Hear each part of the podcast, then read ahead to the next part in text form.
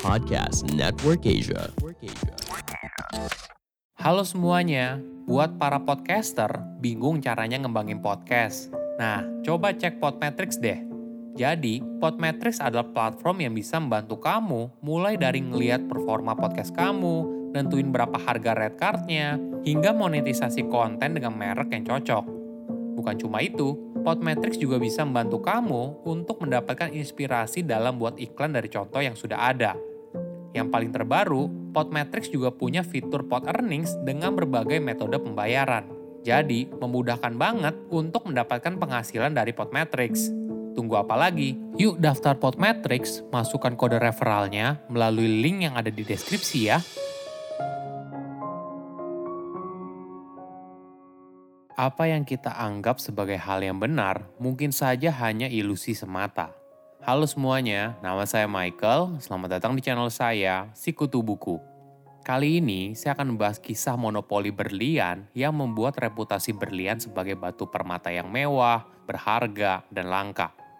Berlian sering kali menjadi simbol cinta. Banyak orang menggunakan berlian sebagai cincin pernikahan, perhiasan, dan sebagainya. Namun di balik semua itu, ternyata ada konspirasi bisnis dari perusahaan yang bernama De Beers yang menguasai tambang berlian terbesar di Afrika Selatan dan perdagangan berlian di beberapa negara besar di dunia. Sebelum kita mulai, buat kalian yang mau support channel ini agar terus berkarya, caranya gampang banget.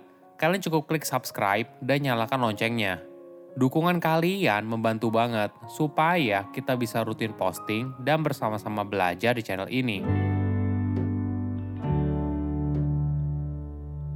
Berlian merupakan perhiasan yang mewah karena harganya yang mahal. Hal ini disebabkan berlian dianggap langka dan berharga. Persepsi ini tidak sepenuhnya benar, namun diciptakan melalui monopoli bisnis dan strategi pemasaran yang masif dalam sejarah perdagangan berlian.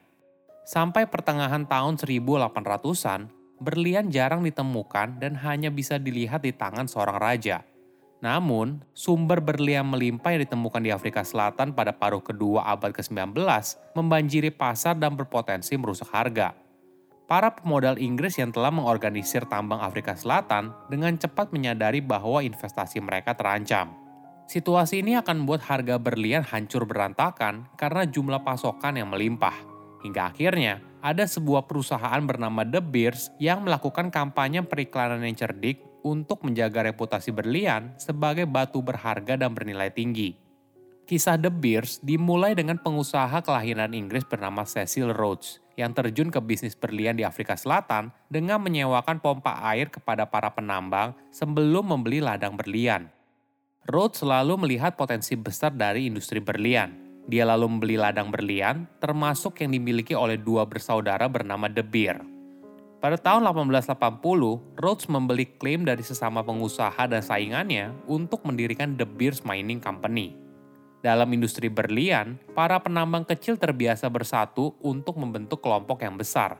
Maklum saja, dengan skala bisnis yang lebih besar, mereka jadi lebih mudah dalam melakukan aktivitas industrinya dan menjaga ilusi kalau berlian adalah batu permata yang langka.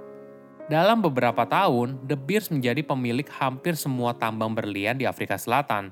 Hingga pada tahun 1888, De Beers Consolidated Mines Ltd dibentuk untuk menciptakan monopoli semua produksi dan distribusi berlian yang datang dari Afrika Selatan. Saat De Beers mengambil alih semua aspek perdagangan berlian dunia, mereka beroperasi dengan berbagai nama. Di London, De Beers beroperasi di bawah nama Diamond Trading Company – di Israel, mereka dikenal sebagai sindikat. Di Eropa, The Beers disebut CSO, inisial yang mengacu pada Central Selling Organization, yang merupakan cabang dari Diamond Trading Company. Dan di Afrika, mereka menyamarkan asal-usul Afrika Selatannya di bawah anak perusahaan yang bernama Diamond Development Corporation and Mining Services Inc. Pada puncaknya, De Beers tidak hanya secara langsung memiliki atau mengendalikan semua tambang berlian di Afrika Selatan, tetapi juga memiliki perusahaan perdagangan berlian di Inggris, Portugal, Israel, Belgia, Belanda, dan Swiss.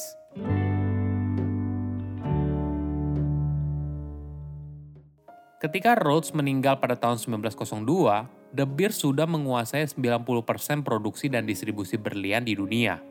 Barulah di tangan Ernest Oppenheimer yang merupakan pembeli seluruh bisnis De Beers berikutnya, industri berlian tumbuh lebih pesat lagi dan dia menjadi keluarga di balik kesuksesan industri berlian. Pada tahun 1930-an, harga berlian telah menurun secara signifikan di seluruh dunia, termasuk di Eropa sebagai dampak dari depresi ekonomi. Di Jerman, Austria, Italia, dan Spanyol, gagasan memberikan cincin berlian untuk memperingati pertunangan tidak pernah berhasil – Sedangkan di Inggris dan Perancis, berlian masih dianggap sebagai perhiasan untuk bangsawan daripada masyarakat umum. Ditambah lagi, Eropa berada di ambang perang dan tampaknya kecil kemungkinan untuk memperluas penjualan berlian. The Beers selalu fokus pada tempat lain yaitu Amerika Serikat yang dianggap sebagai pasar potensial. Faktanya, pada tahun 1938, sekitar 3 per 4 dari semua berlian dijual untuk cincin pertunangan di Amerika Serikat. Namun, berlian yang dibeli masih dalam ukuran yang lebih kecil dan memiliki kualitas yang lebih buruk daripada yang dibeli di Eropa. Harry Oppenheimer yang merupakan putra pendiri De Beers lalu bekerja sama dengan biro iklan terkemuka di Amerika Serikat untuk menjalankan kampanye iklan dalam membujuk orang Amerika untuk membeli berlian yang lebih mahal. Dalam studi yang dilakukan oleh biro iklannya, mereka menyarankan untuk meningkatkan hubungan antara berlian dan percintaan – Hal ini disebabkan 90% cincin pertunangan dibeli oleh para pria muda. The Beer selalu berusaha meyakinkan para pria tersebut kalau berlian adalah tanda cinta. Semakin besar dan semakin bagus kualitas berlian yang dibeli, maka semakin besar juga cinta yang diungkapkan. Bukan hanya pada para pria muda, The Beers juga berusaha mempengaruhi para wanita muda kalau berlian merupakan batu permata yang penting dan bagian yang tidak bisa terpisahkan dari hubungan percintaan. Inilah yang lalu dilakukan oleh The Beers. Mereka melakukan kampanye pemasaran yang masif. Para artis mulai di-endorse untuk memberikan berlian sebagai tanda cinta mereka yang abadi.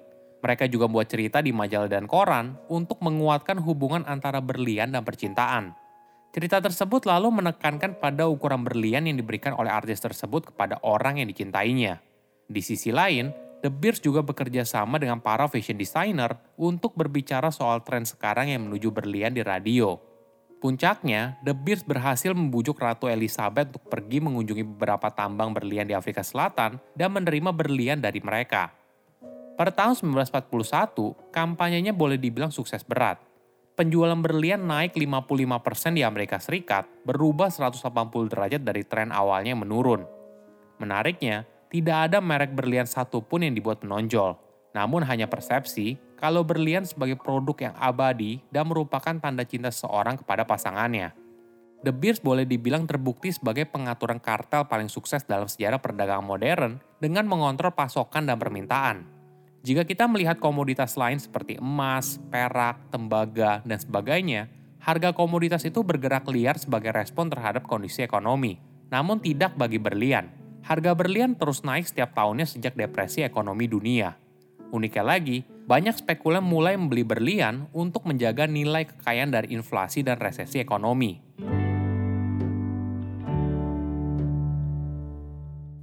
Namun semua berubah saat permulaan abad ke-21. Banyak produsen berlian mulai berontak atas sistem monopoli De Beers seperti di Zaire dan Israel yang bisa masuk berlian sendiri. Langkah ini juga diikuti oleh negara lain seperti Rusia, Kanada, dan Australia yang menolak sistem monopoli De Beers. Kondisi ini mengubah market share The Beers dari 85% menjadi hanya 37%. Pada tahun 2004, The Beers mengaku bersalah dalam kasus penetapan harga selama 10 tahun dan didenda 10 juta dolar atau setara dengan 140 triliun rupiah apabila ingin melanjutkan penjualan berlian secara langsung di pasar Amerika Serikat. Di era sekarang, ketahanan industri berlian terus diuji karena preferensi belanja konsumen yang terus berubah, tingkat pernikahan yang menurun, persediaan tambang berlian yang semakin menipis, hingga ancaman berlian buatan laboratorium. Monopoli merupakan praktik yang buruk. Ketika tidak ada pesaing, maka konsumen tidak punya pilihan dan terpaksa membeli dengan harga yang mahal. Saya undur diri, jangan lupa follow podcast Sikutu Buku. Bye-bye. Pandangan dan opini yang disampaikan oleh kreator podcast, host, dan tamu tidak mencerminkan kebijakan resmi dan bagian dari podcast Network Asia. Setiap konten yang disampaikan mereka di dalam podcast adalah opini mereka sendiri dan tidak bermaksud untuk merugikan agama, grup etnik, perkumpulan, organisasi, perusahaan, perorangan, atau siapa pun dan apa pun.